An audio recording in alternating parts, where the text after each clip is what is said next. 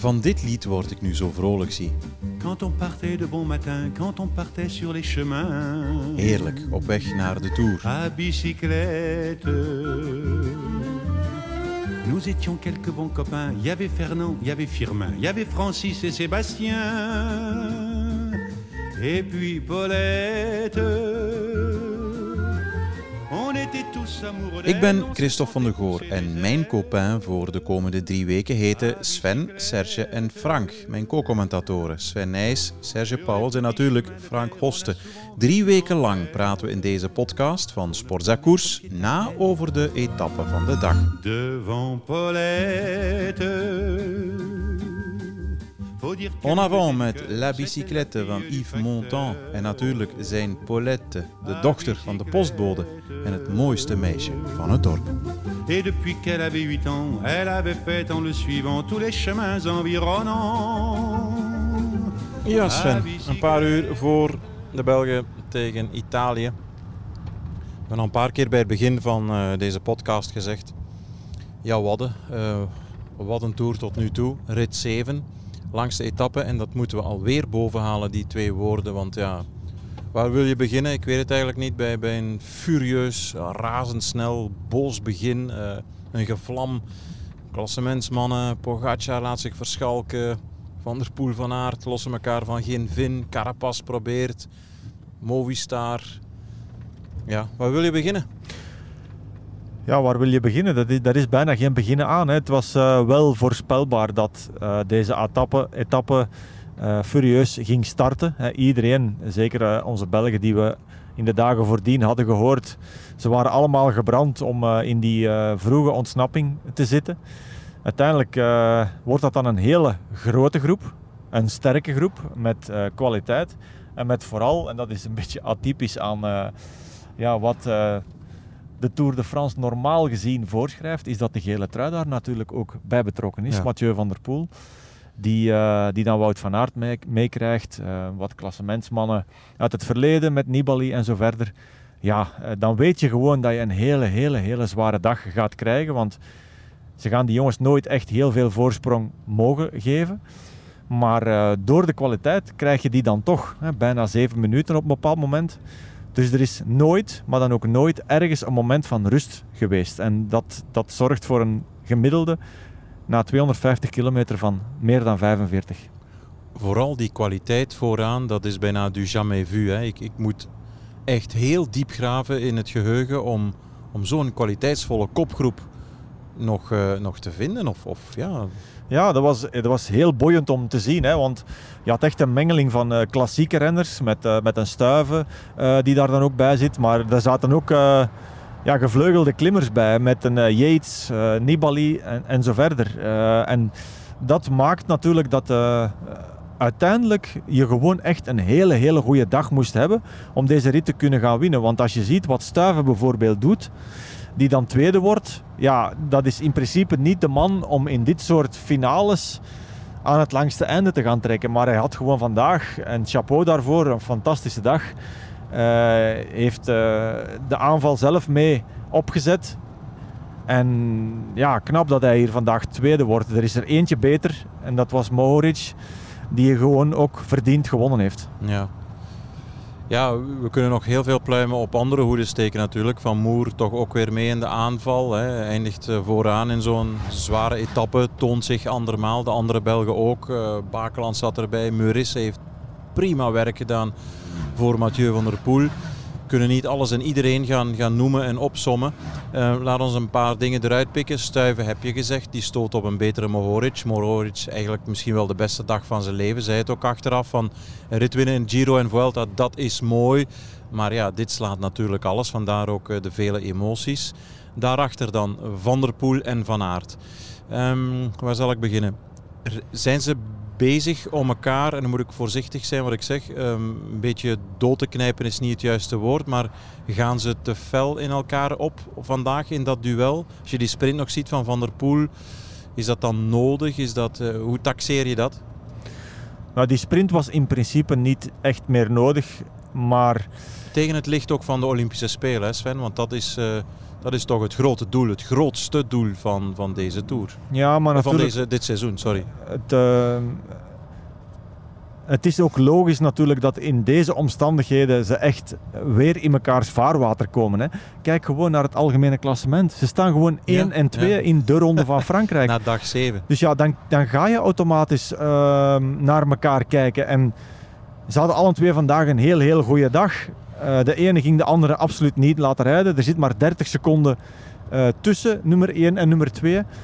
Dus ja, ze moesten, ze moesten inderdaad veel meer rekening houden om vandaag geel te winnen of te verliezen dan, dan de dagzegen. En ze konden dus ook iets minder risico leggen in hun aanval of tegenaanval op de vertrokken Mohoric en, eh, en zo verder. Dus ja, dat was een strijd in de strijd. En, en gaan ze dat, gaat dat ten koste gaan van hun eh, frisse gevoel richting de Olympische Spelen? Ik zie nu vandaag Wout van Aert groeien. En ik vind dit een heel goed teken eigenlijk. Eh, na toch wel de momenten waar we, eh, en hij zelf ook hoopte om al geel te pakken, bijvoorbeeld in de tijdrit of in die eerste etappes ook meedoen voor ritwinst op Mur de Bretagne bijvoorbeeld. Dat valt dan wat tegen, maar vandaag vind ik dat hij indrukwekkend presteerde en dat hij eh, absoluut eh, een kleine stapjes voorwaarts in, is aan het maken op al de heel goede conditie die hij had. Hè. Kijk, dit is de Tour. Hè. We zitten achter de bus van Movistar. En eh, de rijkswachters op de, de politie op de motoren, die komen nu voorbij gereden. En die gaan Movistar voorbij de file leiden, denk ik. Ja, kijk, dit is de Ronde van Frankrijk. Het is gewoon een twee-vaksbaan. en de, de politieman staat recht op de pedalen. Voilà. En eh, dan vliegen ze daarachter, zie. En Ik zou nu eh Pogacar zijn, de mee in de slipstream van Movistar eh, proberen glippen, Christophe. Maar we gaan maar wijselijk gewoon in de file Ja, blijven die staan. mannen zeker? moeten natuurlijk sneller gemasseerd worden dan wij. Hè. We gaan zien, als er nog iemand aankomt, dan vliegen we mee in die slipstream. Proberen misschien. Voilà. Laat mij de vraag misschien op een andere manier stellen wat, wat betreft Van Aert en Van der Poel. Want enerzijds gaat Van der Poel proberen om zo lang mogelijk in die gele trui te blijven. Twee Alpen-etappes zou kunnen. Anderzijds heeft Van Aert, waar hij nu staat op een halve minuut, en al maar beter wordend, die gele droom nog niet opgegeven. Waar gaat dat eindigen en op welke manier?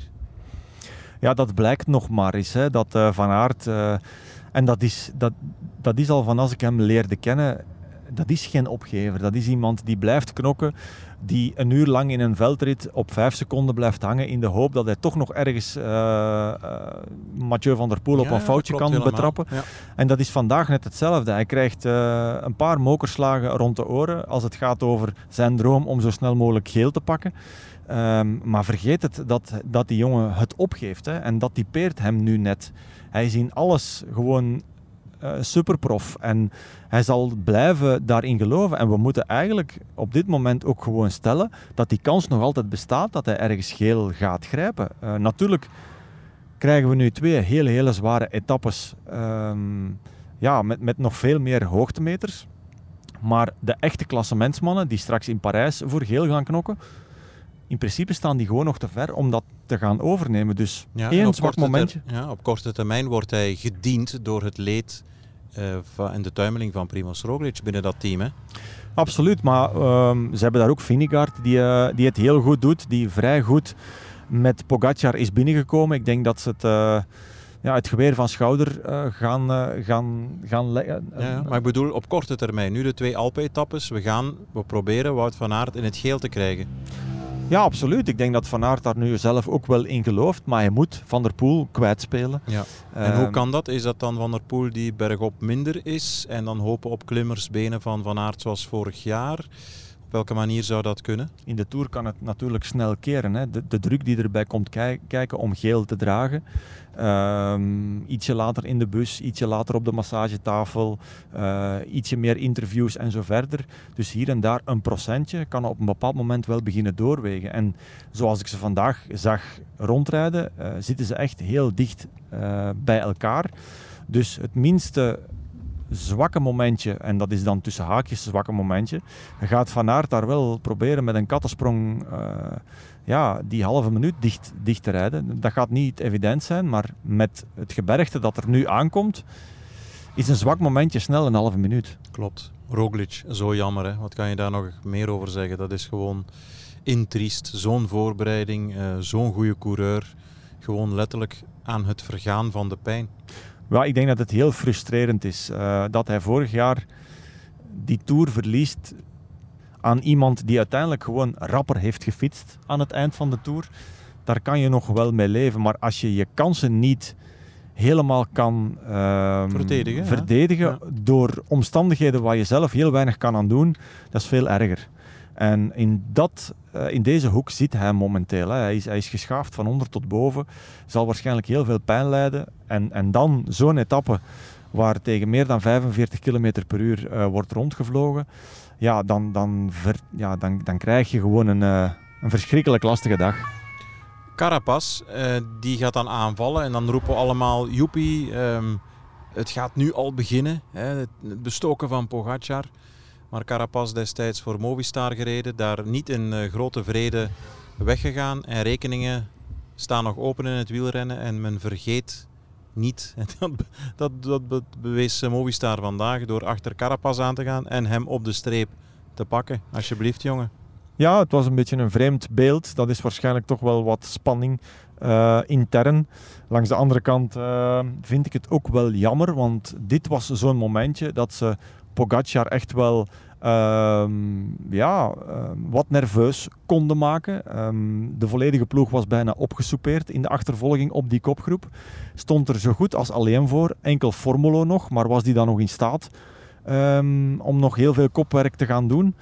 En uiteindelijk is Carapaz ontsnapt en heeft Pogacar eigenlijk uh, met de steun van Mobistar die kloof ja, aan de finish gewoon heel makkelijk terug kunnen dichten. Dus dat is wel een bondgenootschap natuurlijk ergens. Uh, want je weet, in een, aan het einde van de Tour beginnen andere belangen een rol te spelen. Het ploegenklassement, misschien een goede ereplaats, een top 5 voor Enrique Mas. Um, ja, ook een beetje Spaans management bij eh, UAE. Sommige mensen. Dus ja, dat kan een bondgenootschap ontstaan voor een te zwak team van de Emiraten? Dat zou zomaar kunnen, maar ik denk vandaag echt dat er, dat er een kans uh, laten liggen is om Pogacar iets vermoeider, te, iets vermoeider te krijgen. En als dat begint op te stapelen, als dat morgen nog eens gebeurt, ja, dan ga je gewoon misschien wel een zwakke dag van Pogacar krijgen. En nu is dat uiteindelijk niet gebeurd, doordat hij zelf niet op kop heeft moeten rijden achter uh, de ontsnapte Carapaz. En dat is wel jammer. Um, nu gaat hij misschien morgen op dezelfde manier herstellen als de rest van die groep. Terwijl als hij echt op kop had moeten rijden, ja, dan had hij net iets meer krachten moeten verspelen. En die opstapeling, die kan dan zorgen voor een, voor een zwak moment. En het is een gemiste kans. Ja, misschien wel. Hè? Want inderdaad, als je kijkt naar de stand, hij staat vijfde. Maar van de Oerans en de andere klassementsmannen die nog overblijven, is hij nog altijd de beste man. Want in principe, ja, we moeten rekening houden met Asgreen, Van Aert, uh, Van der Poel, die vooraan wegvallen. Dus uh, eigenlijk geen man overboord, geen uh, Tadij overboord. Nee, klopt. Hè. In, op dit moment is er na deze zware etappe, met heel veel druk op de ploeg UAE, is er eigenlijk niets gebeurd. Dus benieuwd hoe zij herstellen nu, hoeveel werk ze morgen in de aanloop uh, naar de laatste slotklim zullen moeten, moeten ja, gaan verrichten. Maar ik ga er toch vanuit met wat we vandaag gezien hebben dat, uh, dat de koers iets anders gaat verlopen dan, uh, dan hoe ze ja. vandaag is geweest. Is de kans vrij groot voor morgen richting Le Grand Bournon dat het uh, windstil gaat blijven? Geen oorlog bij de klassementsmannen? Vermoedelijk wel hè? Vermoedelijk wel, ja. om dan uiteindelijk in de, op de slotklim. Uh, Tien je wel, hè? misschien wel. Uh, ja. Op, de, ja, op de slotklim daar uh, gaat dan hoogstwaarschijnlijk wel echt alle remmen los om te kijken waar verschil kan gemaakt worden. Ja, het blijft razend boeiend natuurlijk, hè, de Tour. Um, zoals je daar straks zei, Wout van Aert en Van, van der Poel op, op 2 en 1 in het klassement na dag 7. Wie dat had voorspeld, gezien de omstandigheden ook, ja, die, die had veel geld gewonnen op de loterijen. Ja, het is fenomenaal. Hè. Als je die foto's en al die video's terugziet van zoveel jaar geleden, waar ze al in mekaars vaarwater zitten, waar ze veldritten uitvechten, um, dan, dan komen daar wat, uh, wat wegwedstrijden bij. En uiteindelijk zijn we nu op het hoogste platform in de Ronde van Frankrijk en staan ze gewoon 1 en 2 in het algemene klassement. na toch al bijna een week koersen, dat is fenomenaal. Als wij nu vooral het moeten hebben over uh, Oeran, 30 plus, uh, Pierre Latour kan nog wel groeien, maar ook op dit ogenblik nog niet de allergrootste adelbrieven getoond. Zijn we dan bezig met een soort van zwaktebot als tegenstand voor Pogacar? Ik vind wel dat we hier een, uh, een goede Bernal missen. Uh, in de toekomst moet daar ook een Evenepoel bij komen. Dat zijn toch de mannen waar het moet gaan van komen om uiteindelijk uh, Pogacar het moeilijk te gaan maken.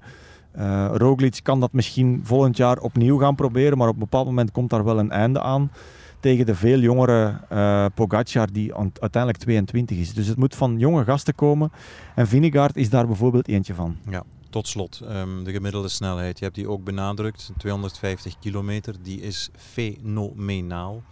Hoe verklaar je dat? Want ja, je kan wel heel vaak zeggen, het materiaal wordt beter en de voeding en alle procentjes, maar ze rijden wel heel hard, hè Sven? Ja, goed. Dat hebben we uh, bijvoorbeeld in een Gent-Wevelgem de afgelopen jaren ook een paar keer uh, gezien. Um, het koersverloop zorgt daar soms voor dat het nergens op geen enkel vlak stilvalt. Um, en dan krijg je dit soort scenario's. Um, ik herinner me nog de inspanningen van een Thomas de Gent, die een uh, fantastische etappe won een aantal jaren geleden, waar hij alleen aan dat soort wattages ja, die rit naar zich toe trekt. Soms heb je zo van die dagen. En ik ben er echt van overtuigd dat aan het eind van de Tour deze dag nog heel vaak zal boven uh, gehaald worden. De Belgen, gaan ze door? God ja, die springen in één keer van, een, uh, hak op de van de hak op de tak. um, maar dat wordt een moeilijk verhaal. Maar uh, ik durf daar geen uitslag op plakken. Laten we een beetje chauvinistisch zijn en, en zeggen van ja, ze gaan door. Daar komen we morgen op terug in onze volgende podcast. Na de eerste Alpen-etappe richting Le Grand Bornand. Tot de volgende.